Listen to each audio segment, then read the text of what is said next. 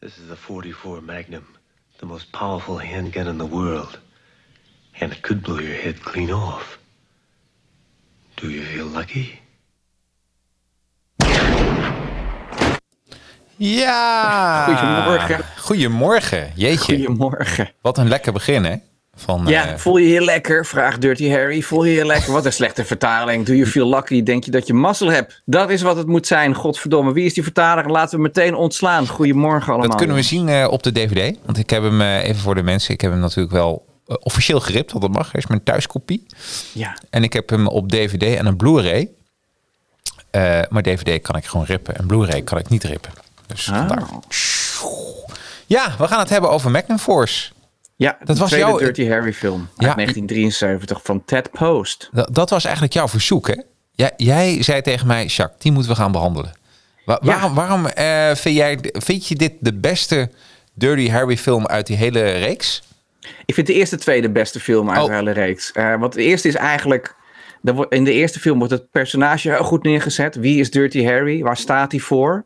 Nou ja, Dirty Harry is een fantastisch personage. En eigenlijk is met, de, met deze eerste film... is dus een hele reeks van eh, klonen zijn ontstaan. Oké, je had vroeger... eh, God, dan ben ik even zijn naam kwijt. Maar een tv-serie, Hammer of weet ik wat, hoe die gast heette. Die eh, leek eh, Hunter heette die gast. Hunter, ja. Dat is eigenlijk de Dirty Harry van tv. En de Maverick Cop, wat Dirty Harry eigenlijk is, hè, dat is een agent die zijn best doet.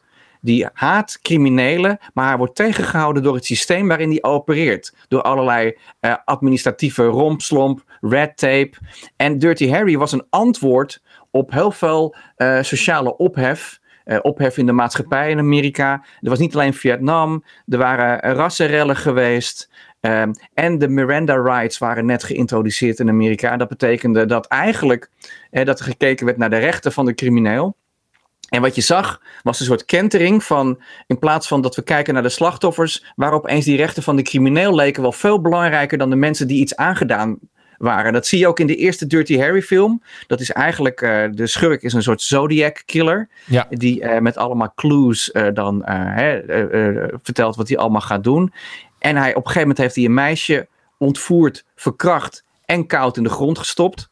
En dan, ehm, omdat Harry gaat dan helemaal door het lint en die weet hem dan uiteindelijk te arresteren. Maar dan, loopt hij, dan komt hij vrij, omdat Harry eh, nogal gewelddadig de man heeft gearresteerd. Want ja, de crimineel heeft ook rechten. En dan zegt hij, ja maar wat, voor, wat, wat, voor, we moeten denken aan de rechten van het slachtoffer. Wie denkt aan haar? Wie denkt aan die, aan die meid wiens leven is eh, ja, gekortwiekt, die verkracht is en in de koud in de grond is gestopt? Hoe, zit het met, hoe zit het met die mensen? En ik vind dat een heel erg interessante... Ja. Sowieso is het nu heel erg interessant eh, in, in onze maatschappij dat we kijken naar excessief geweld van de politie. Bijvoorbeeld hè, bij demonstraties tegen eh, coronamaatregelen. Bijvoorbeeld in de Verenigde Staten, waarbij het meteen ook een hele gekleurde discussie is, letterlijk en figuurlijk.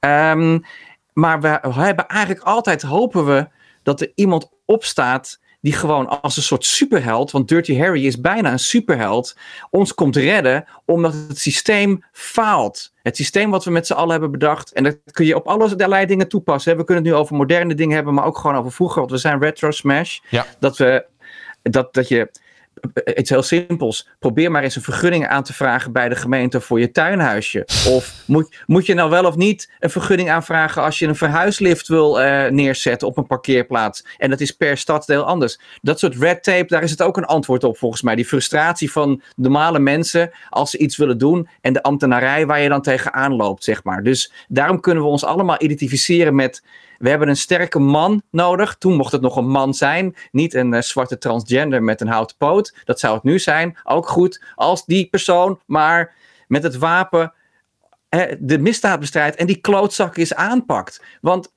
en, en dan hou ik op met mijn betoog, maar ik vind het wel fijn dat je me even de ruimte geeft. Tuurlijk. We leven in een rare maatschappij waarin mensen zoals Willem Holleder, wat echt geen lekkertje is, op handen wordt gedragen en als een soort knuffelcrimineel een column heeft gekregen in een blad. En dan, snap je wat ik bedoel? En, daar, en aan de andere kant van de knuffel Holleder, wat gewoon een klootzak is, staan mensen zoals Dirty Harry en misschien eh, Peter R. de Vries vroeger in Nederland. Misschien is dat het equivalent van eh, een Nederlandse Dirty Harry. Iemand die misdadigers op de hielen zit, eh, programma's erover maakt, cold cases oplost die mensen al lang hebben opgegeven.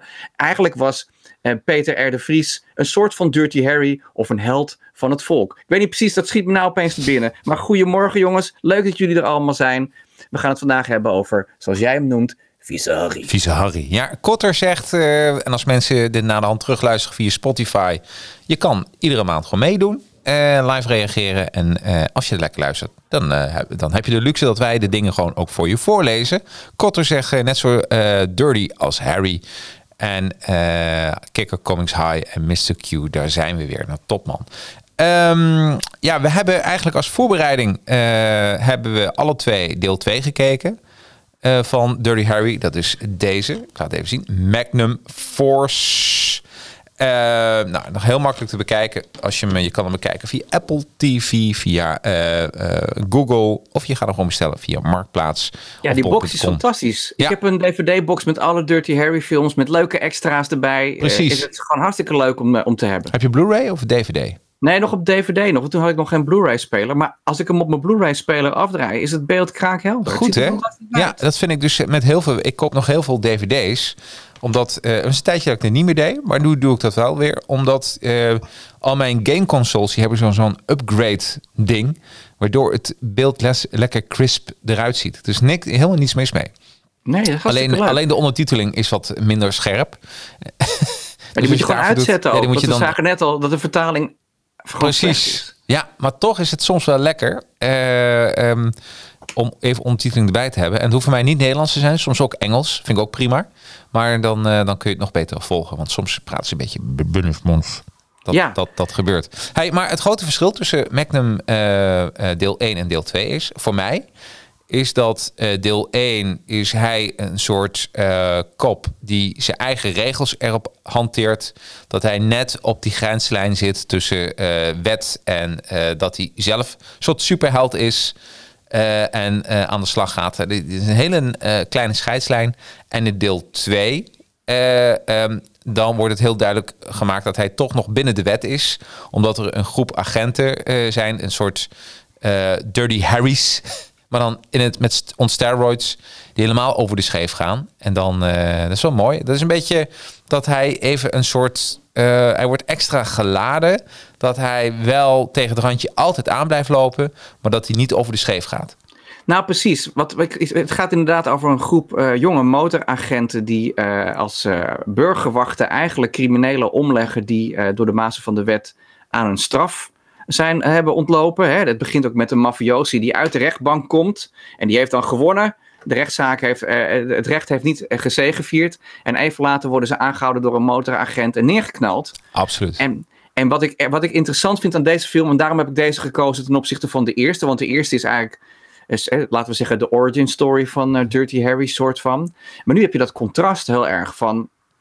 Dirty Harry is iemand die nog steeds de wet respecteert, om eh, in ieder geval dat hij niet de, over de, helemaal over de, over de lijnen gaat.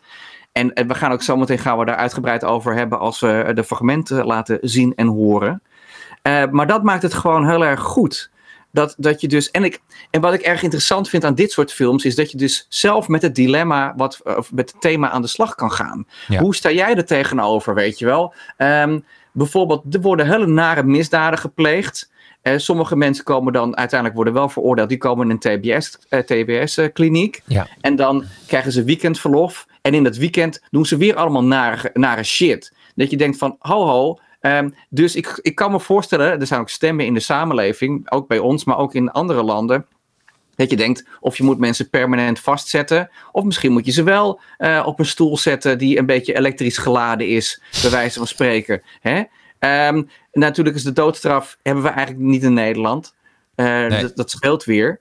Eh, en in, in heel veel staten in de, Ve- in de Verenigde Staten is het ook al afgeschaft. Want hoe betrouwbaar is het rechtssysteem eigenlijk? En zitten die mensen die in de bak zitten, zijn dat echte criminelen? Of waren dat de scapegoats die ze toevallig te pakken konden krijgen? Dat is natuurlijk, als je iemand eh, arresteert en onterecht in de gevangenis zet, kunnen ze daarna eventueel weer vrijgelaten worden. Dan zijn ze wel deel van hun leven kwijt, hebben ze in op, maar ze zijn niet dood. Als je iemand op een stoel zet, dan is het gelijk permanent klaar. Maar deze motoragenten zijn dus eigenlijk. ehm, ik vind, het zijn een beetje de Punisher van Marvel. Absoluut, absoluut. Ja, en, en, dat is eigenlijk, eigenlijk is Dirty Harry is Spider-Man.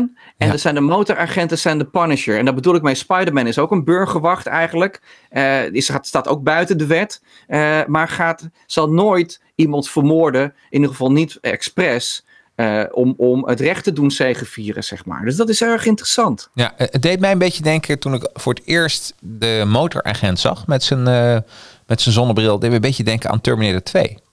Ja. Nou, ik denk dat ze daar wel, dat, dat, dat eh, James Cameron zal vast de mosterd gehaald hebben bij Magnum Force. Ja, toch? Denk je niet? Ja, ja dat denk ik ook. Ja, en eh, ehm, de, de bad guy. Er zijn er twee, bad, eigenlijk een, de uber bad guy. Dat is eh Biggs. Zeg Ja, het goed? Biggs. Biggs. Biggs. Biggs. Eh, en eh, David Soul. ehm, dat was eigenlijk zijn grootste filmrol, denk ik, hè, op dat moment. En die werd na de hand, eh, kreeg hij de, de, de serie op basis van deze rol van Stark, Ski en Hutch. Ja, ja, ja, dat is leuk hè, om dat Ja. zo te zien. En ehm, ja, hij doet het goed. Ehm, wat ik goed vind aan, aan, aan Magnum Force, behalve wat we net hebben besproken, het camerawerk is eh, formidabel. Ja. Het camerawerk is van Frank Stanley. Mhm. En eh, de- de- als de mafiosi al naar buiten geleid wordt, zijn we met de camera zit in de crowd van de mensen die protesteren. We zitten later met hem in de auto. En dan zien we de woede van, eh, van het publiek zien we ook vanaf zijn perspectief. En wat ik heel tof vind, dat, vind dat is een van mijn favoriete shots in deze hele film. Ah, misschien kun je de screenshots er even bij pakken. Ja, absoluut. Misschien is het leuk, Michael, eh, om een soort. een, een, een, ik heb namelijk de achterkant van de DVD. Als die Ja. gewoon even voorlees, Ja. ehm, dat mensen even weten van waar het over gaat. Nou, als je de DVD koopt. Op de achterkant. In het solide vervolg neemt Clint Eastwood het in zijn rol van inspector Harry Callahan op tegen een onverwachte soort misdadiger. Eén met een politiepenning. Om precies te zijn, een groep schietgrage jonge motoragenten die het recht in eigen handen neemt. Hun echte vijand is het systeem. Maar Harry heeft gezworen dat systeem te beschermen. Geschreven door de latere regisseur John Milius en Michael Cimino? Camino, denk ik. Camino. Kimino. Ja, het is een I. Kimino. Kimino. Die er een heerlijke film vol spanning en actie van maakte. Nou, dus dat is even waar het over gaat. En Michael heeft een paar foto's en die gaan we eens even bekijken. Hoppakee. Ja, dit is eigenlijk, eigenlijk moeten we even beginnen met het shot eh, wat eerder komt. Eh Jacques, want ze zitten niet op volgorde, maar dat is de motor. eh, Als je de motor ziet van de eerste slachtoffer, van de, ja, deze. Deze. Wat ik hier zo gaaf aan vind, is de, de camera zit dus op de motor. Ja? En dan zet hij die motor neer op zijn standaard en dan gaat die camera gaat dus scheef. Oh. Maar dat, is, dat heeft een dubbele functie. A, Ja. ja, dat, dat noemen we dan een Dutch angle, in, eh, zoals het in vaktermen heet. Mhm. Als, eh, zodra je een Dutch angle ziet in films, dan zit er iets scheef. Letterlijk is het beeld scheef, Ja. maar ook figuurlijk gaat er iets scheef. Dus je weet al, deze motoragent is geen zuivere koffie, want we, hebben, zijn getrakteerd op deze Dutch angle. Ja, Dus- oké. Dus er wordt heel goed gecommuniceerd al op visueel vlak. Ja, En, en dat heb je niet meteen door als je het kijkt. Maar al die kleine aanwijzingen vormen uiteindelijk dus dat je het verhaal tot je neemt, zeg maar. Dus, en wat, wat had je als volgende? Even kijken. Ik jaag ze staan. Ik heb het nummertje gewoon gepakt. Wat je had, Ja, eh, dat is goed kijken. hoor. Dat is, het is Even gewoon, kijken. Dit eh, was eh, nummer 1. Ja, dit is eigenlijk de confrontatie. Die, die gaan we, meteen- eh, gaan we bekijken. Dat is Ja. nummer 2. Ja, dit is de stunt. Dit is, dit is, dit is hij zelf, hè, als stuntman. Ja, dat is dus zo fantastisch. Jij hebt ook Dirty Harry 1 gezien. Dus Ja. zie je op een gegeven moment dat Dirty Harry op een, op een brug staat. En dan komt die bus eraan met, eh met, eh, met de moordenaar die de kinderen heeft ontvoerd. Ja. En dan springt hij boven op die fucking bus. Dat is ook fucking Clint Eastwood. Ja. Die doet dat gewoon. En het is zo duidelijk te zien ook bij dit shot dat het Clint zelf is en niet een of andere eh, stuntman. Hè? Ehm, en wat ik weet, wat ze zeggen altijd, Tom Cruise doet al zijn stunts in eh, Mission Impossible. Ik heb er altijd mijn vraagtekens bij, omdat je tegenwoordig heel makkelijk iemands hoofd ergens op kan plakken digitaal. Ja. En, hè, dus, Maar dat dus had je toen nog niet. dat had je, dus dit is Nee. gewoon, dit maakt dus Clint Eastwood zo fucking badass. Eh, oh ja, niet alleen dat hij dit doet, eh, hij belichaamt Harry op een goede manier. Hij is natuurlijk een fantastische regisseur. Ehm, maar ik vind dat dus, ja, ik vind dat dus, dit- dan ben je echt een kerel. Ja, Ik, ik, Echt klinkt een man. dus- ja, dit, dus dit is gewoon een fantastisch shot ook. de volgende, dat is... eh, ja, Ja. dit is een beetje een, een, een, een, zo'n uitstraling. Dit deed me echt denken aan Terminator. Ja, wat je dus ook ziet, het licht komt een beetje van achter, zodat Ja. we nog wel zien, eh, dat we nog wel een beetje kunnen kijken. En dit is volgens mij het moment dat de motoragent achter Harry aan zit. Als ik het goed heb, ik weet niet meer 100% zeker. Maar het ziet er allemaal, wat, het ziet er gewoon heel sinister eigenlijk uit. Hoe die, hè? Dus de politie is je beste vriend. Nou, niet deze gast dus. Nee, dat is, eh, dit is. eh, we krijgen. Oh, dit is een. eh, even kijken, we laten hem even zien. Eh, Peter de Kok, Dutch Angle. eh, oh, is, hij reageert even. Linkse begrippen om te onthouden. Voor als je ooit in die finale van een miljoenenquiz terechtkomt en deze vraag voorgeschoten krijgt. De Dutch Angle. Ja, ja, zeker. Ja, dat klopt. Ja, ja, dat klopt helemaal. Dus dan weten we dat. Dat nooit meer vergeten als je de miljoenenvraag krijgt, wat nu een Dutch Angle is. Dan gaan we naar. eh, ja, weet je wat, wat ik ook mooi vond van die film? Hij, hij doet echt politiewerk. Ja. Je ziet hem eh, papierwerk doen. eh ballistics is hij hierbij. eh, gewoon echt speurwerk. In plaats van binnenrammen met zijn magnum en iedereen voor zijn donder schieten. En dit is, ja, er wordt ook veel gebruik gemaakt van lage en hoge angles. Dus dit is een kikkerperspectief. We kijken vanuit de, de lage hoek, kijken we naar deze twee mannen. Dat kan een psychologische reden hebben. Het kan ook zijn dat ze in een kleine ruimte stonden en dat ze eh, die geweer op de achtergrond bijvoorbeeld wilden laten zien. Of dat ze gewoon streefden naar maximale dieptewerking in een film.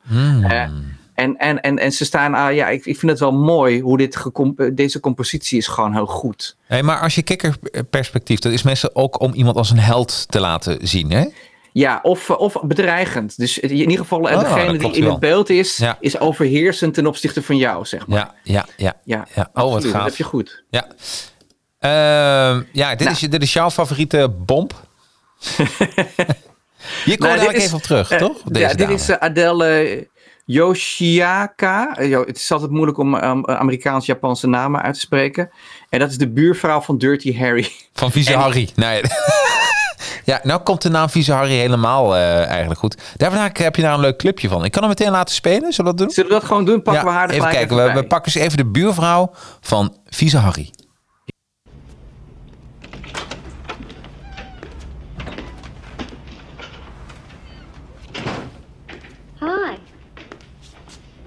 Oh, hi. What's your name? Sunny. You know, I've been living here almost six months now. It's funny I've never met you before. Oh, well, I work a lot. I know. You're the cop who lives upstairs. That's right. Mind if I ask you a question? Uh, go ahead. What does a girl have to do to go to bed with you?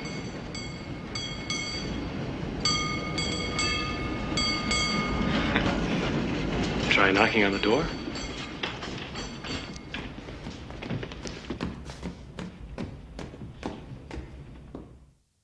Ja, we- weet je wat ik hier zo, zo eh, briljant aan vind, aan deze scène?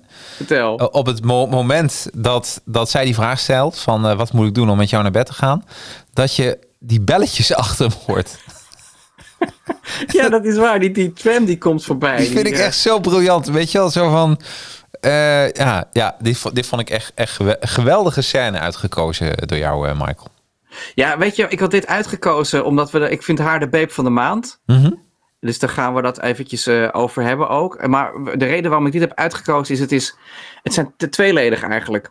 Harry wordt eigenlijk een beetje neergezet in deze film, net als James Bond, als een ladykiller. Want later gaat hij bij een vrouw langs, dat is de ex van een collega van hem, die hij vermoedt dat dan de moordenaar is, die uiteindelijk niet de moordenaar is. En die, die, die maakt ook eh, een poging, doet ze, om eh, Harry in bed te krijgen. Maar de kinderen die maken Harry, dus dan gaat dat niet door. En hier ook. En het is volgens mij ook een beetje een teken van de tijd van toen.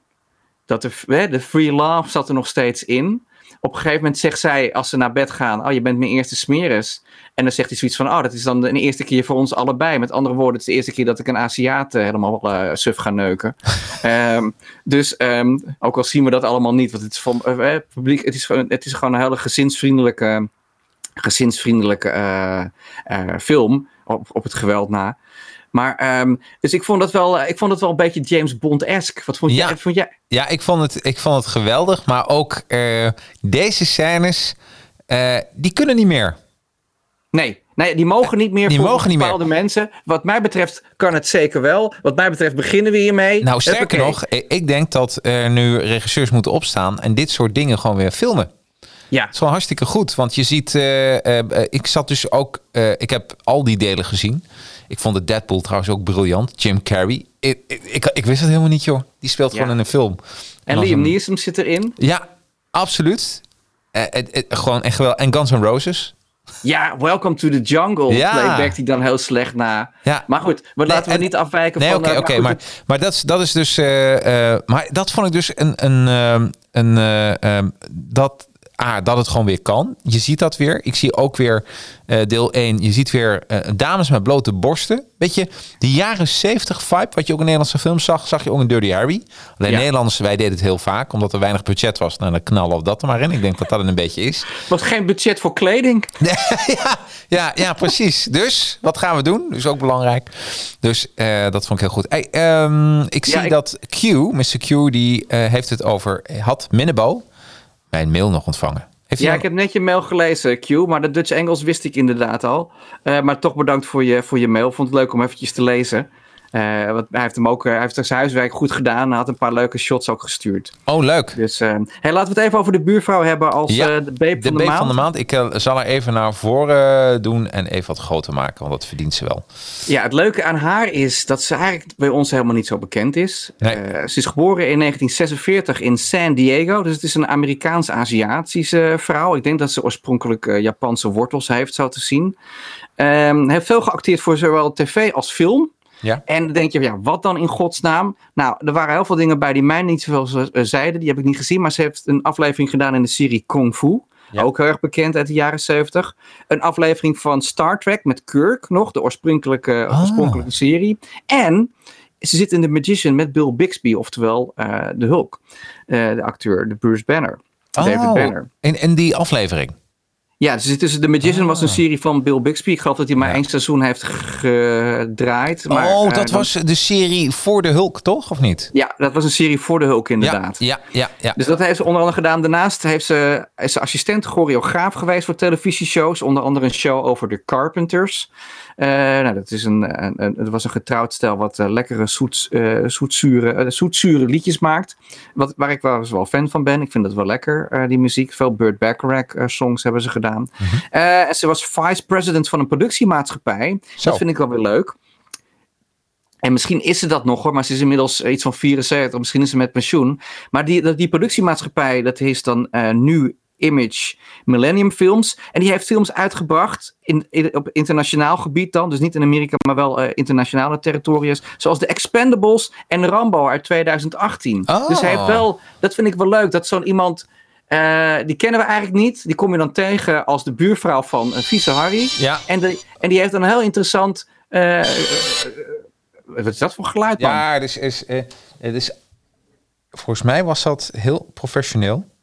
Je telefoon. Ja, en weet je hoe dat komt, Michael? Maar dus even, of, eh, mijn nieuwe telefoon wordt zo bezorgd. Dus ik denk dat Oh. eh, dat. eh, maar dat is pas tegen één uur. Ik vind het ook altijd heel erg veel zorgen, nieuwe tele- telefoon. Dus je daar, dat je daar bezorgd over bent, snap Ja, ik precies, helemaal. precies. Nee, dus, dus ik vind het wel leuk, want ze is dus gewoon ook achter de schermen heel actief geweest. En voor de rest kennen we haar helemaal niet. Dus nu, nou, nu weten we iets meer over Adele Yoshia, Yoshiaka. Ik, het is alleen moeilijk uit te spreken, dus Adele gewoon. Er is Adele. Nou, zo noemen we haar. Gewoon Adele. En na de hand is ze getransformeerd en eh, is ze liedjes gaan zingen. Ja, Ja, want dat kan allemaal in deze tijd. Hey, gewoon in we, deze tijd. we hadden, eh, je had nog een paar leuke video, eh, videoclipjes eh, Ja, laten we doorgegeven. beginnen met Harry en Briggs dan, het fragment. Ja, Harry en Briggs. De voorgeschiedenis is, de bad guys zijn afgeknald door die agent. Ja, En- dit is eigenlijk net na de scène die we net hebben gezien. Hè? Dus de mafiosi is afgeknald en nu gaan ze naar de crime scene. En Harry is gedegradeerd tot, tot een stakeout. Die is niet meer bij homicide, dus niet bij moordzaken. Want die chef heeft natuurlijk een pokkenhekel aan Harry. Dat is het cliché natuurlijk wat hier geboren wordt. Zo'n. Kleine disclaimer, als mensen nu denken van, eh, nou weet je, ik vind het toch wel, eh, ik ben het aan het luisteren. Nou, eh, de, de soundtrack, wie je nu gaat horen, en de kijkers die het gaat zien, die is minstens zo interessant. Dus eh, laat je gewoon lekker verleiden naar deze, tot deze scène. Hier komt hij.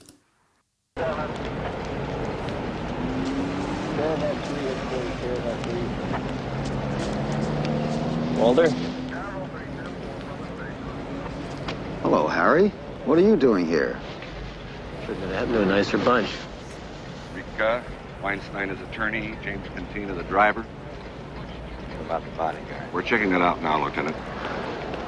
Looks like somebody saved the taxpayers a lot of money, doesn't it?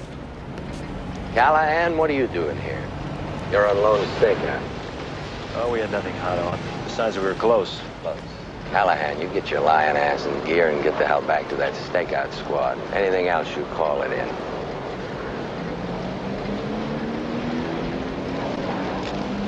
Who do you think did this, Briggs? You're on loan to stakeout, Callahan. That's right, Lieutenant. You saw to that. I've got nothing personal against you, Callahan. But we can't have the public crying police brutality every time you go out in the street. Well, you just might need me on a job like this. Whoever did this was very good at it. You'd sure be the one to know, Harry. Well, I just work for the city, Briggs. So do I. Longer than you. And I never had to take my gun out of its holster once. I'm proud of that. Well, you're a good man, Lieutenant. A good man always knows his limitations. Lieutenant Briggs? Nou, waarom heb je deze gekozen, deze scène? Nou, een paar dingen. Sowieso, het einde is: A man always has to know his limitations. Dat is de catchphrase van deze film. Want hij heeft altijd, eh, Dirty Harry heeft elke film heeft hij een nieuwe catchphrase. En het- bij de eerste was het: Do you feel lucky? Do you punk? Weet je, en nou is het dus eh, dit. Eh, en, eh, dus dat, maar wat heel belangrijk is, is, wat heel goed is aan deze film, is het is echt een heel, het is heel strak geschreven. Dus elke scène heeft een functie, elke dialoog brengt het, geeft ons informatie die we nodig hebben. Eh, op twee scènes na. En daar gaan we het zo meteen nog wel even over hebben. Maar dat is, ehm, en dus het- dat is heel strak scenario. Geen fluffy, eh, overdreven dingen die niet nodig zijn. De tegenstelling tussen Briggs en Harry wordt meteen gemaakt. Hè? Briggs is de pencil pusher eh, die, die zijn autoriteit probeert te laten gelden over Harry. Die heeft hem een beetje weggestopt. Het is iemand die nog nooit zijn wapen heeft gepakt. Hè, die nog nooit zijn wapen heeft gebruikt en daar trots op is. En dan zegt Harry, zet hem ook een beetje neer van, oh, you're a good man. Eh, je bent een het staat vertaald als brave borst. Met andere woorden, je bent eigenlijk een beetje een lulletje rozenwater. Want je, eigenlijk ben je, doe je niet zoveel. Dus dat vind ik heel erg eh, goed eraan, zeg maar. Dat je, en dan zegt hij eigenlijk, als hij aankomt lopen, het ziet eruit alsof de taxpayer payer een hoop geld is bespaard. Want we hoeven hem niet meer te vervolgen. Dat is eigenlijk al de eerste hint Ja, dat. Briggs er achter alles zit. Ja. Maar dat, als je de eerste keer die film kijkt, dan denk je alleen maar, oh, die man is een beetje cynisch. Ja, ja. Als, je, als het al opvalt. Ja. En dat is zo leuk aan films meerdere keren kijken. Ik heb natuurlijk filmwetenschap gestudeerd. Dan ga je dingen beter opvallen. Dus ik vind, dat, ik vind het een hele goede openingsscène eigenlijk tussen, tussen Harry en Briggs. Want uiteindelijk zijn dat de twee mannen waar het om draait. Ook Ja. al weet je dat op dat moment nog niet. En het is ook goed dat we dat nog niet weten. Ik moet zeggen dat Peter de Kok, die, die eh, meldt... A good man always knows his limitations. Dat, is, eh, dat vind ik de mooiste quote van de hele film. Ja, nou, dat ben ik met Peter eens. Ja. Want het is ook wel iets waar je aan... Je moet ook je eigen grenzen kennen. En eh, we hebben het heel vaak nu tegenwoordig in de mindfulness over... dat je voor jezelf op moet komen. Dat je voor jezelf moet zorgen. Maar dat betekent ook dat je dus dingen misschien niet hoeft te doen... eh, waar je geen zin in hebt of wat je niet kan. En eh, dat we ook moeten beseffen dat we niet de hele tijd... eh, voor het karretje van mensen gespannen hoeven worden... als we daar geen zin in hebben. Dat, zo kan je die uitspraak ook gebruiken. Het zou mooi... maar hij, bedoelt in deze context eigenlijk een beetje lullig... maar je kan het ook positief gebruiken, absoluut. Nou, ik kan me ook voorstellen als je een baas hebt die, die, zo'n hufter is... dan is dit toch de perfecte ringtoon. Dat als je overgaat dat je Clint Eastwood hoort zeggen... A good man always knows his limitations. Dat is toch geweldig? absoluut, absoluut. Hey, wat ik zelf een hele mooie scène vond, die heb ik er even uitgeknipt. Ja. Dat, is, ehm, dat is een vliegtuigkaping. Ja, Dus je moet je moet voorstellen, en dit, dit zijn scènes waar ik dan weer ontzettend van smul. Ehm, eh, want eh, in elke Dirty Harry zit een soort eh, fragment. Die, die zou er eigenlijk uitgehaald kunnen worden, maar dat zijn de, de bonbonnetjes, waardoor die film juist heel leuk wordt. Eh, en eh, dit geeft gewoon aan dat hij een onorthodoxe manier heeft om zo'n eh, ja, vliegtuig binnen te vallen. Of, want een vliegtuig is gekaapt en, ehm, en Dirty Harry die hoort dat. Toevallig is hij daar om een kop koffie te drinken op het vliegveld. Vindt hij lekker om daar koffie te drinken. En, en hij hoort een paar agenten met elkaar praten en die zeggen van, joh, dit vliegtuig wordt op dit moment gekaapt. En hij zegt, oh, ik ga wel even kijken. Hebben jullie ook een pilootkleding? Dus, eh, en de volgende scène gaat hij gewoon even het vliegtuig binnenwandelen alsof hij een piloot is. En dat stukje laten we even zien.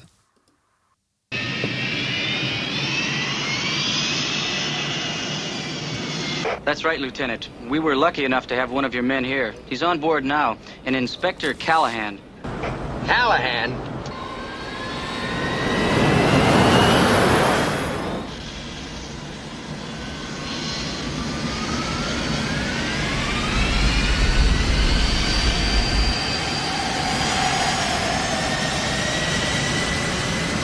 Excuse me, Captain. I know this may sound silly, but can you fly? Nope. Never had a lesson.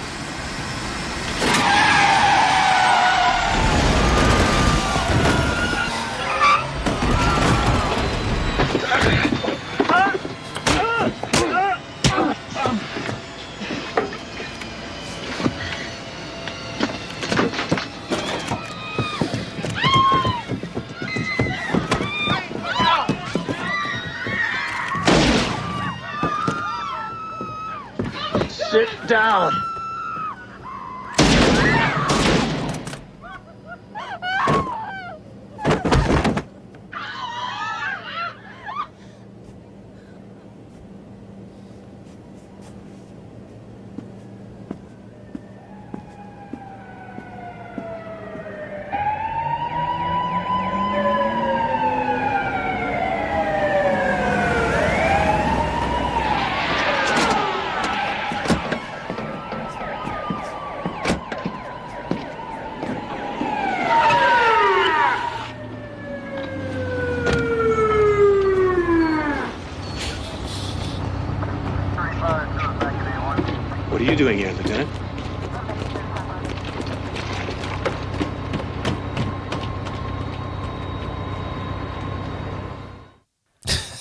Geweldige scène dit, hè?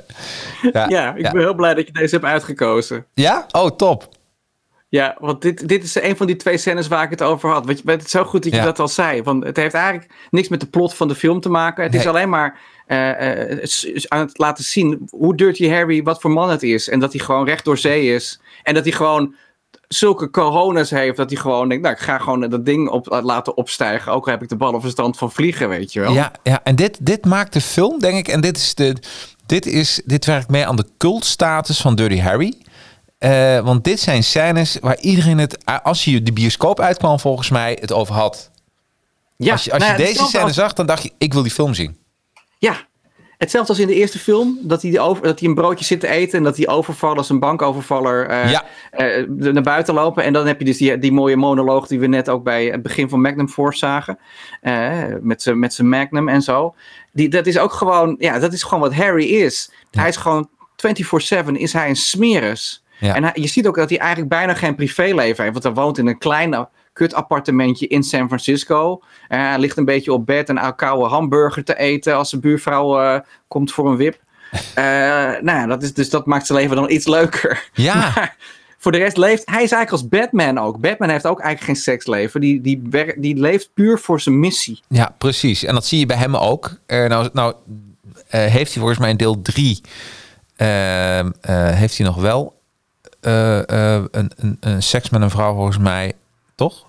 De- Jawel, tenminste- en hij heeft zelfs een keer een vriendinnetje. En ik geloof dat in een van die films dan het vriendinnetje dan de bad girl is. Ook, Ja, als ik me goed herinner. ja dat is helemaal, eh, dat is de ene laatste. Dat is nummertje drie is dat volgens mij. Vier zou dat moeten zijn. Nou, want er vier, zijn er want vijf is de, is de Deadpool. Ja, nummertje vier. Die heb ik laatst ook gezien. Eh, en dat klopt. Ehm, maar ik, ik, ja, ik, ik, dit blijven, dit zijn mijn scènes. Dit vind ik eh, eh, meewerken aan de cultstatus van Dirty Harry en wat hij precies is. Ja, ja zeker. Ehm, jij had ook nog een paar leuke scènes. Oh ja, over het systeem. Waarom heb jij ehm, een, een scène uitgekozen over het systeem? Zullen we eerst naar de scène kijken? Want eigenlijk spreekt hij voor zich. Oké, hier die eh, ja, hier komt hij dan. Ja, What I can't understand is why you, of all people, Hundred years ago in this city, people did the same thing. History justified the vigilantes. We're no different. Anyone who threatens the security of the people will be executed. Evil for evil, Harry. Retribution. that's just fine. How does murder fit in? You know, when police start becoming their own executioners, where's it gonna end, huh, Briggs? Pretty soon you start executing people for jaywalking and executing people for traffic violation. Then you end up executing your neighbor because his dog pisses on your lawn. There isn't one man we've killed who didn't deserve what was coming to him. Yes, there is. Charlie McCoy. Well, what would you have done? I'd have upheld the law. What the hell do you know about the law? You're a great cop, Harry. You had a chance to join the team, but you'd rather stick with the system. Briggs, I hate the goddamn system. But until someone comes along with some changes that make sense, I'll stick with it. You're about to become extinct.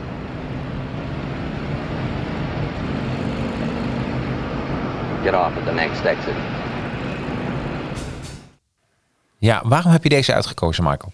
Nou, omdat eigenlijk het conflict wat uh, in de eerste scène die we hebben gezien tussen hen en nu uh, eigenlijk resolved wordt. En nu wordt duidelijk uitgesproken waar ze staan aan beide kanten van de, van de lijn, zeg Mhm. maar.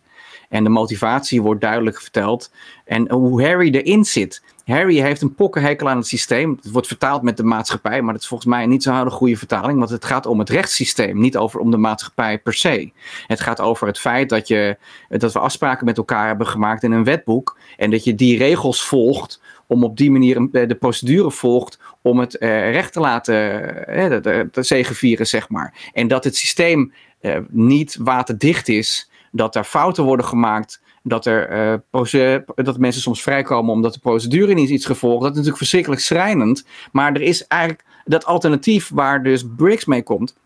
Dat is geen alternatief. Want je kan niet lucraak mensen, zoals de Mokro-maffia hier in Amsterdam, zal maar lucraak mensen gaan lopen afknallen als het je niet bevalt wat zij hebben gedaan. Of, want dat, dat is een stap te ver. Dus het systeem klopt niet. We moeten dat verbeteren. Maar je kan er niet buiten staan. Als smeris ook niet. En dat, en dat is die tegenstelling waar we het over hadden. Waarom deze film dus zo interessant is om te kijken naar hoe ver gaat een Harry. En hè, dat, dat hij toch nog binnen. Hij gelooft in het systeem tot op zekere hoogte. Maar want er is niks beters. En, en ik denk, ja, we hebben afgesproken om het niet over hedendaagse thema's te hebben. Dus, maar ik denk gelijk ook aan een corona-aanpak waar je wel of niet mee, mee kan gaan. Of hebben, zolang er geen beter voorstel wordt gedaan, moet je er misschien maar in meegaan of niet. Eh, en dat geldt voor heel veel andere dingen. Want ik denk wel dat, dat het niet meer klopt. De wereld die wij gecreëerd hebben met elkander en de mensen voor ons, die klopt eigenlijk niet meer. Als je kijkt naar eh, de uitstoot van CO2, als je kijkt naar milieuachtige eh, kwesties, als je kijkt naar overproductie en kapitalisme, dat zijn allemaal dingen die hebben we ooit bedacht. Daar moeten we, en daar hebben we nu allemaal, prote- nu is Amsterdam is toevallig een klimaatprotest vandaag. Als we dit opnemen en uitzenden. Eh, dus wat ik altijd leuk vind aan dit soort films. Wat je denkt, je gaat naar een blockbuster kijken. Hè, een actiefilm met, die vermakelijk is. 100% waar. Maar tegelijkertijd spelen er op de achtergrond interessante thema's. Waar je dus zelf mee kan, aan de slag kan. En dat maakt zo'n film als deze eigenlijk tijdloos. Ja, Ook al absoluut. heb- ook al hebben we mooie jaren 70 tieten en mooie jaren 70 kapsels, dat is allemaal tof.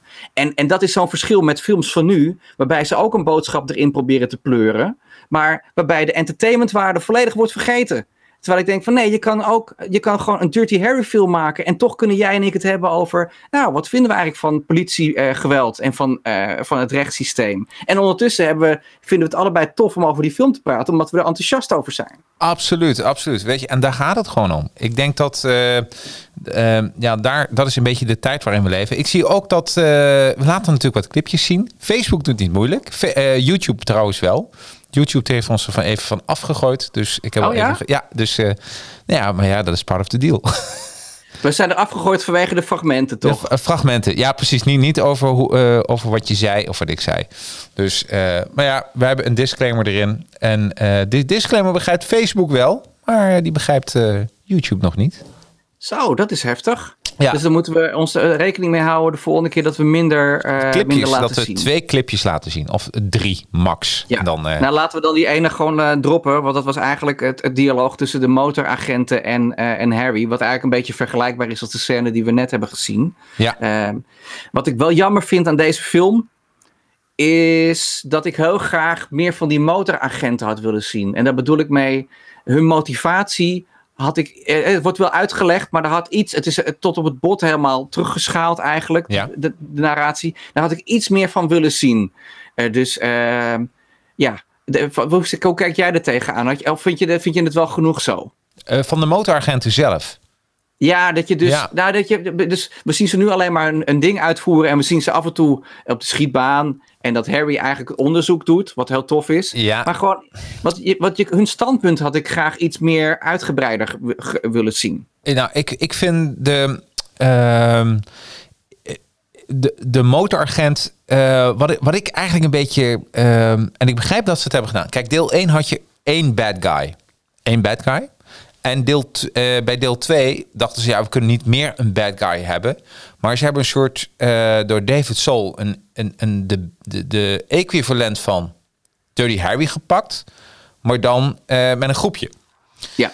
En dat had ik dus nooit gedaan. Ik denk, eh, ik, had, ik had dat nog even wat ja, heel stom anders geschreven. Ik denk dat ik die David Soul en want dat is ook dat zag je ook in een andere scène. Die is heel goed met wapens, dus hij overtreft Clint Eastwood zelfs even hè, met het schieten. Dus hij is goed met wapens. Hij is eigenlijk de leader of the pack. En wat ik zo mooi had gevonden als ze gewoon een kopie hadden gemaakt van Dirty Harry, maar aan de andere kant. Dus ook een lone wolf, maar die besluit van, weet je, voor mij gaat het te ver. En omdat het een groep is, blijft het oppervlakkig. Ja, En dat is ik- het risico. Ja, Dat, is het risico. En, en vandaar dat eh, ehm, ehm, ik vond bijvoorbeeld het einde, hoe die aan zijn einde komt, vond ik echt flut, die David Soul. Weet je, dat hij met Ja. zijn motor in de water belandt en en that's it. Het is bijna als, alsof je... Maar hij was toch de hele tijd de bad guy. En ik weet wel dat die Bix eigenlijk de super bad guy is. Maar, eh, eh, eh, maar toch had dat nog even... Hij rijdt gewoon met zijn fucking motor in het water. En, eh, en daarmee is het gewoon voorbij. Ja, dat had inderdaad wel. Dus Ik weet niet of hij nou gewond was nog of niet. Nee, nee, hij viel in het water. Hij kwam gewoon niet meer naar boven. En toen liep eh, Clint Eastwood naar buiten. En eh, ja, toen was het gebeurd. Dus eh, weet je, dus, ik, ik, dus eigenlijk vind ik... ehm, eh, met, ja, men dacht van met een groep... en het zou best goed kunnen werken met een groep... maar dan moet je ook sterke aut- acteurs hebben. En, eh, en David Soul is een sterke acteur, maar die, die, die resterende, dat waren inderdaad wat bijrollen, wat mij betreft. Dat waren niet echt noemenswaardige acteurs. Dus ja, ik had het veel, ik had het veel fijner gehad dat ze, dat, dat ze eh, hier zaten te veel plotwendingen in die niet nodig waren, denk ik. Ja, ik, ik, ik, ik, ik, weet niet, dus ik weet niet of het er veel plotwendingen zijn, maar het is wel zo. Ik denk dat je een goed punt hebt. Als het één op één was geweest, dan, eh, maar goed, dan had het misschien te veel geleken op de eerste Dirty Harry film, waarbij je dus de, waarbij die ook tegen die moordenaar vecht. Oh ja, Eh, en ja dat zou kunnen, ja. Weet je wel? En op zich het idee van, wat die groep vind ik op zich wel leuk. Want dan zie je inderdaad dat er mensen binnen, binnen de politie, dat het niet één persoon is, maar dat er dus systematisch een groepje al zit wat, eh, wat, wat schurken omlegt. Maar ze hadden inderdaad de focus wel op zo kunnen leggen. Nou, weet je, Eh, wa- en, en, ja, wat ik daar dus slecht aan vind, is dat dat, dat groepje zijn, eh, dat zijn, die beginnen nog maar net. Snap je? Die, die, dat zijn niet kops met jarenlange ervaring of zo. Hè, dat, het zijn, eh, eh, ehm, en die kijken, beginnen ook een beetje op tegen, die, tegen Dirty Harry. Die vinden dat wel fijn wat hij doet. Dat groepje ja, vindt zichzelf ook geweldig hoe ze schieten. Maar eh, ze hebben ook de motivatie waarom ze dat doen, die is ook weg. Ze doen het gewoon. nou ja, het wordt, het wordt wel verteld natuurlijk. Dus, eh, want Briggs is eigenlijk de, de spokesperson daarvoor. En Ja. die scène in de, in de, in de garage, als, bijna aan het einde, als Dirty Harry eh, aanbieden om eh, deel te zijn, deelgenoot te zijn van hun club. En als hij dan nee zegt, en dan heb je die bom in zijn, eh, in zijn eh, postvakje. Ja, klopt. Maar vind je dat is, dat, is dat echt een motivatie? Ik had liever gezien dat er iets gebeurd was in het leven van een van die acteurs, van David Soul bijvoorbeeld, dat die over die scheef ging. Dus ja, je zoiets? echt een origin story. wil origin je. story. En, en dat, dat miste ik ook. Dus daardoor wordt hij een beetje vlak. Eh, ehm, Ja. en, en, en daarom vond ik deel 1 qua script beter.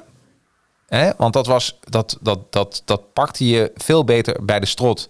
En ook toen dat meisje uit die putdeksel werd gehaald. Hè? Helemaal ontbloot. En eh, dat was heel naar. En, en dit was eh, gewoon... eh, we gaan, ik dacht, we gaan gewoon heel veel dingen doen. En een van die dingen zal weer werken. Dat, dat, dat had ik een beetje bij de bad guys. Hmm. Ja. Ja, dat is wel een goed punt hoor. Dat is een goed punt van kritiek. Ja, Ik zie trouwens eh, Peter die zegt van... eh, ik denk dat de makers van Lethal Weapon ook wel goed naar Dirty Harry hebben gekeken. Nou, dat klopt dat wel. denk Want, ik ook. want Riggs, wat bijna lijkt op Briggs, maar dan toch net iets anders. Die is natuurlijk net zo'n Maverick cop, zo'n losgeslagen figuur als Harry eigenlijk nog wel. Alleen wel de jaren tachtig en nog een stapje erger, want uh, Riggs is in het begin suicidaal. En hij, heeft, hij, heeft, eigenlijk helemaal geen reden meer om te leven. Het is dankzij Murtalk dat hij weer een beetje met beide benen op de grond komt te staan. Maar dus ik denk zeker, het, het genre, de, de smerisfilm zeg maar, je had al Bullet met Steve McQueen in 1968. Ja. Het is ook al een badass cop. Maar, en, en daarna had je Dirty Harry. En die twee films zo'n beetje zijn toch verantwoordelijk voor een genre. Voor een trope, zoals dat zo mooi heet. Voor een archetype die we kennen. Dat, dat, dat wordt door een wetenschapper de Maverick Cop genoemd. Hè. Een Maverick is een beetje een weirdo. Een beetje een buitenbeentje. En wat heel erg grappig is, is dat we heel veel films hebben... waarin de held uh, dingen doet die eigenlijk niet mogen omdat het systeem niet werkt. Ja, ja, ja. ja.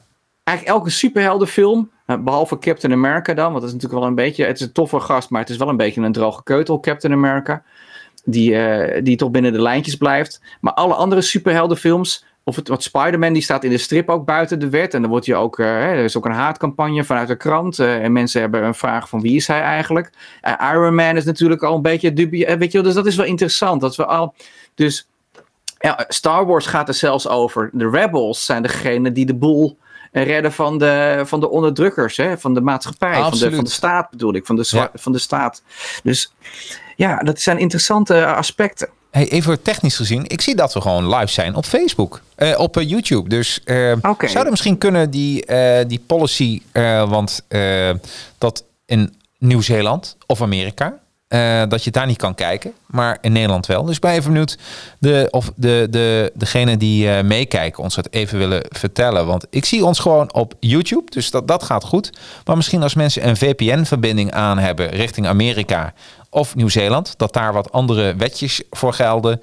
En dat we dit in Nederland wel gewoon kunnen bekijken. Want we zijn gewoon live. Oh, gelukkig. En we nemen het sowieso op, hè? dus je kunt sowieso de audio kun je altijd tot uh, ja, absoluut, maken, absoluut. Ja, daarom. Dus dat is fijn. Nee, nee maar dat, dat komt helemaal goed. Maar dat is wel even, even leuk, want dit is een uh, try-out voor ons. We, we, hebben allemaal leuke clipjes. En als blijkt dat we wel gewoon de clipjes kunnen laten zien voor de Nederlanders, nou, dan, uh, dan Nederland en België. Want daarbuiten ja, moeten mensen maar een VPN'tje naar Amsterdam doen. Dan, hè? Ja, maar het is grappig hoe YouTube werkt. Hè? Dat je dus uh, wat ze scannen, de, uh, ze scannen video's ook als je ze uploadt, of als ze gerenderd worden eigenlijk. Ja. Op, op content al. Dat is iets nieuws wat ze sinds nou, een half jaar misschien doen of zo, misschien een jaar. Um, en, en, copyright is, oh, het is, het is een pain in the butt. Oh, uh, Robert zegt, je lag hier in Nederland ook een paar minuten uit op YouTube. Oké. Okay. Ah, oké. Okay. Dus jongens, uh, Facebook, uh, dat gaat gewoon door. Maar wel, wel goed om te zien. Dus uh, dat, dat we toch weer in de armen zijn gesloten van digitale YouTube. Ja, dat heeft Meta toch een stukje beter voor elkaar. Ja, zeker. Hey, wat heb jij nog te vertellen over de film? Nou ja, weet je, ik op uh, oh ja, we, we, waren weer terug naar de clip. Even goed dat hier, uh, wat hier gezegd werd. Uh, ik vind, um, ik heb ook wat extra's bekeken van deze film. En wat ik heel leuk vond, is een interview met Arnold Schwarzenegger. Die zei van, uh, toen ik Dirty Harry zag, uh, toen dacht ik van, dit wil ik ook. Dus Dirty Harry was voor uh, Arnold Schwarzenegger een groot inspirator. Niet zozeer alleen uh, als film, maar ook als persoon. Clint Eastwood, want Clint Eastwood was bij de opname van Deadpool, was hij burgemeester, volgens mij van ja. Californië. Ja, ja, van, uh, van, uh, van hoe heet het plaat? Men, men, men, niet Mendocino. Oh, ik heb, het staat in mijn boek. Oh, oké. Okay, okay. Het staat in mijn boek Mijn Vriend Spider-Man. En ik ben nu vergeten... Misschien maar, schiet het me zo meteen nog te binnen. Maar hij was, maar hij was kort burgemeester hij was van kort een burgemeester. En ook dus als persoon, uh, als acteur, maar ook als persoon... heeft Clint Eastwood Arnold Schwarzenegger ontzettend eigenlijk gemotiveerd om, om ook de politiek in te gaan. Uh, ja. Dus dat vind ik wel mooi. Het is echt een. Uh, dat lees je ook een beetje van als je andere uh, acteurs hoort. Dat dit een verandering was in de filmgeschiedenis van, van actiefilms. Ja, ja, het is, ja het, het, daar, daarom vind ik het ook leuk om dit soort dingen te bespreken en te bekijken. Ja. Arnold is net zoals Clint republikeins. Dus ze zijn conservatieve mannen. Ja. En eh, jij zei in een vlog laatst dat Paul Newman de rol had aangeboden. Ja. Hè? We hebben onder andere eh, Frank Sinatra heeft de rol aangeboden gekregen door andere mensen. En Paul Newman wilde het niet, want die, vond, die is te links, vond Ja. hij zichzelf. Ja. Dat vind ik wel een interessante discussie, want ik volg namelijk John Snyder. Ja. Die is van The Dukes of Hazzard. Dat is eh Bo Luke. En Bo Duke, Bo was, eh, ja, Bo Duke heet hij geloof ik Mhm. in de serie. En is ook een filmmaker en een acteur en die heeft ook een YouTube kanaal. En die, er was natuurlijk een naar schietincident op een set van Alec Baldwin laatst. Ja. En, eh, de- en, de- en mag wat ik daar- leuk... Mag daar iets over vertellen? Want daar even, oh, hou dat vast, dat schietincident. Heb ik iets eh, opmerkelijks over. Oké. Nou, wat ik leuk vind aan John Snyder, die heeft dus helemaal in de vlog uitgelegd wat de procedure is op een filmset bij zoiets. Dus Ah. hoe- om het veilig te houden. Dus iedereen die dat wapen in zijn handen krijgt, die moet controleren dat er geen kogels in zitten. En dit en dat. En dat zeggen ze ook eh, out loud. Dus hardop zeggen ze van dit. Ja, geen kogels. En dan doen ze vaak ook nog een nep eh, shot als ik het goed heb. Maar goed, de hele procedure heeft hij uitgelegd. Dus hij vertelde, eh, die, dit ongeluk kan eigenlijk niet voorkomen tenzij iemand zijn werk gewoon niet goed doet. En, eh, en Alec Baldwin is zwaar eh, anti de, de Second Amendment tegen het wapendragen. En toen zei John Snyder iets interessants waar ik het niet helemaal met hem eens ben, maar ik vond het wel goed dat hij dat. Ik vind het wel prima dat hij dat vindt. Ja. John Snyder is ook een eh, conservatieve man. En die zegt: Ik zou nooit in een film een rol spelen. waarin de boodschap is. eh, pro-abortus is. Waarin de boodschap van de film pro-abortus is. Dus er zou Oh. nooit een rol. En het- toen moest ik denken aan jouw vlog van Paul Ja. Newman. Die zegt: Ja. Ik kan niet Dirty Harry spelen. Want ehm, hè, ik ben zelf een eh, democraat. En Dirty Harry is een rechtse rakker. Precies. Sommige mensen. Ehm, en ik, maar ik, ik, dus ik kan me ook voorstellen dat je als acteur. Want die acteur die bijvoorbeeld eh, de Zodiac Killer speelt. Of het equivalent daarvan. Hè, in, in de eerste Dirty Harry. Is natuurlijk ook geen moordenaar. Die is waarschijnlijk heeft helemaal geen moordlusten. Er zijn ook acteurs die juist in de huid kruipen van een personage. wat ze zelf helemaal niet zijn. Nee, maar Omdat dat lijkt me juist het beste. Ja. Ja. Dus dat, dat vind ik erg interessant weer, dat soort dingen, weet je wel. Eh, maar goed, je had er iets over. Vertel. Ja, nou, toen dat gebeurde, en dat is echt zo bizar. Ehm, ik was eh, Magnum aan het kijken, niet Magnum Force, maar Magnum van Tom Selleck. En, eh, en ik bekijk meestal een aflevering in drie dagen of zo, drie, vier dagen. Want elke keer doe ik dan even wat- het eh, kwarkje eten, 's ochtends, Magnumpje op en dan doe ik het schermpje weer dicht en dan ga ik naar mijn werk. Dus 10, 15 minuten en een aflevering duurt nou 50 minuten, 45 minuten, 50 minuten, dus zo lang. Zoiets. Dus ik was aan het kijken en de, eh, en de aflevering ging over een eh, dame, over een acteur die wordt neergeschoten op de set met een echte kogel. En, en de tweede dag dat ik wilde kijken, dus de tweede kwartier, eh, hoorde ik dat van Alex Baldwin. Ik dacht, hoe, hoe toevallig bestaat het? Dat je gewoon een serie aan het kijken bent, wat daarover gaat. En dan jaren geleden opgenomen. En dat het opeens eh, ja, super, super eh, weer in het nieuws is. Dus dit, is, dit was ook iets in onze retro-tijd dat dit gebeurde. Dat mensen daarmee bezig waren. Van dat mensen doodgeschoten waren op een set. En naar de hand is er nog wel een paar keer eerder voor, meer voor gekomen. Maar ik vond het toch heel interessant. Ik dacht van bij iets aan het kijken, wat fictief is. En de volgende dag sta je op.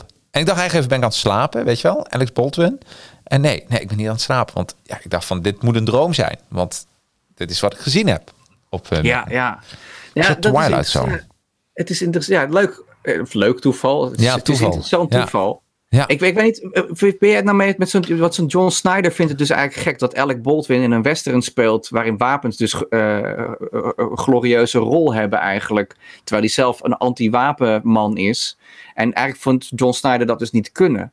Ik denk, ja, dat, dat, je- dat vind ik wat te extreem hoor, qua instelling misschien. Ik vind dat alles moet kunnen. Ja, 100%. Kijk, het is.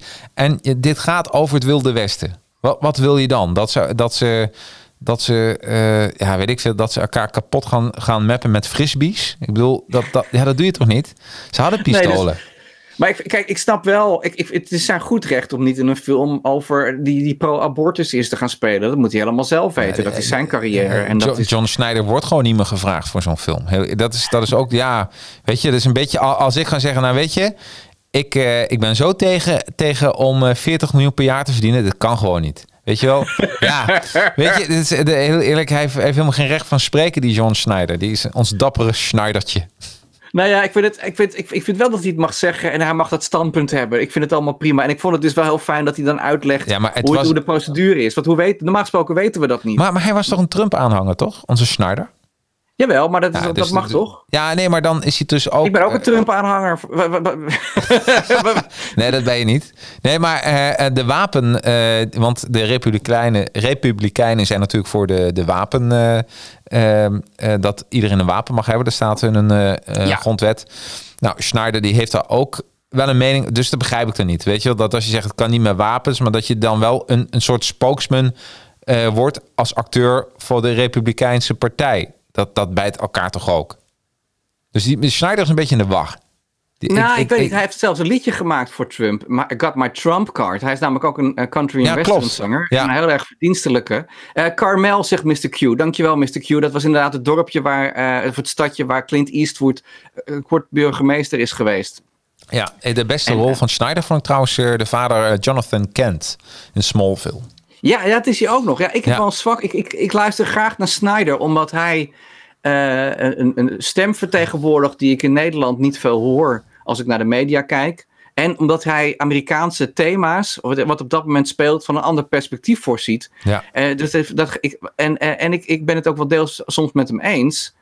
Ehm, eh, wat dat betreft. Want ik ben ook niet de meest eh, progressieve mens die mensen denken misschien dat ik ben. Ik zit een beetje in het midden van beide kampen. Als je het, eh, het hangt van het thema af. Absoluut, Ehm, maar dat is bij iedereen zo. Maar we, bijvoorbeeld, eh, dus ik weet je, ik, ik denk dat dat. ehm, ehm, eh, want ik heb hem ook een paar filmpjes gezien van, van deze Mr. Schneider. Dat is een aardige man. Ja. Hè, maar, Ja. dat is, maar ook Hitler was vegetarisch. Dus eigenlijk maakt dat ook niet uit. Maar je moet het niet. Je, ga je hem nou vergelijken met Hitler? Nee, toch? Ja, ik ken hem Nee, niet. Ik, ik ken Jonathan Snyder helemaal niet. Ik, denk- ik denk een aardige man is.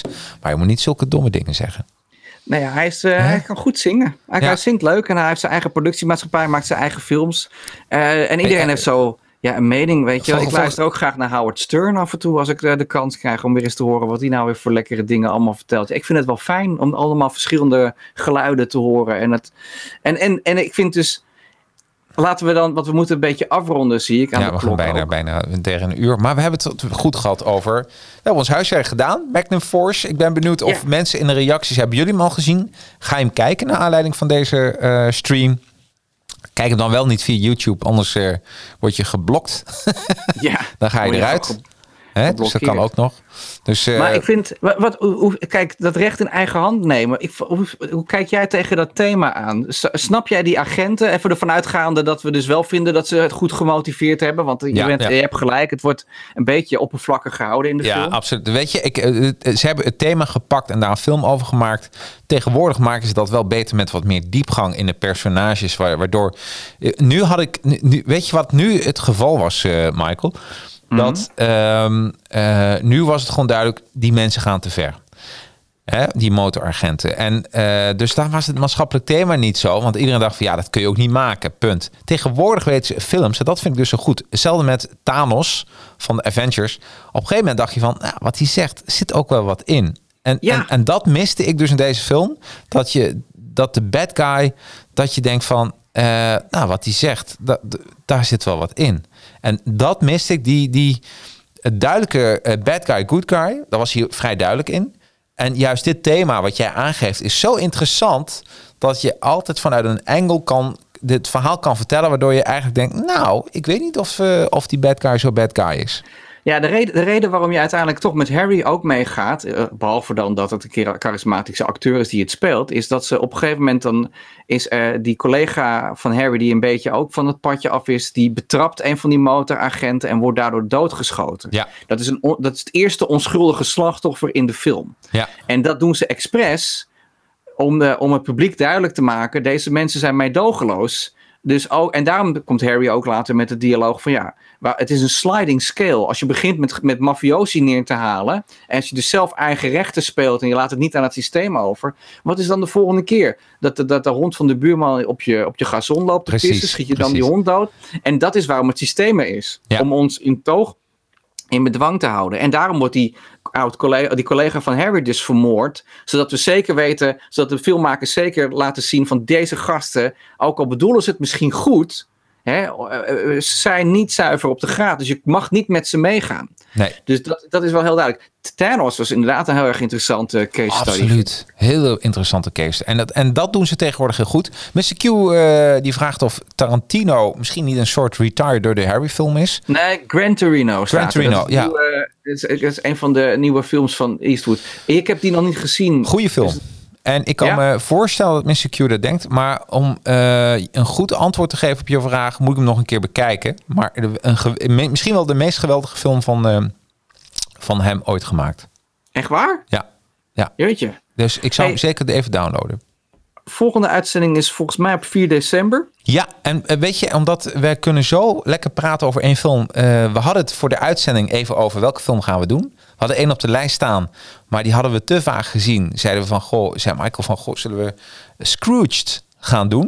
En toen zei ik, nou, zo Scrooge. En maar tijdens deze uitzending, Michael, nee, we doen gewoon die, die film die jij zei. Scrooge, die ene. Want er is al zoveel te vertellen over Bill Murray, over Scrooge, et cetera. Het zou jammer zijn als we daar de diepte niet in opzoeken. Ben je het mee eens? Ja, helemaal goed. We gaan Ja, het dus hebben eigenlijk over één van de vele bewerkingen van A Christmas Carol. Want Ja. december is toch kerstmaand. Absoluut. Hè? Sinterklaas is een beetje gedegradeerd tot eh, iets wat we in het verleden deden, zo langzamerhand in onze maatschappij. Dus we gaan allemaal de kerstman gaan we omarmen. Hij is ook een leuke kerel. Absoluut. En hij heeft ook een rood pak aan en een baard, dus dat is allemaal goed.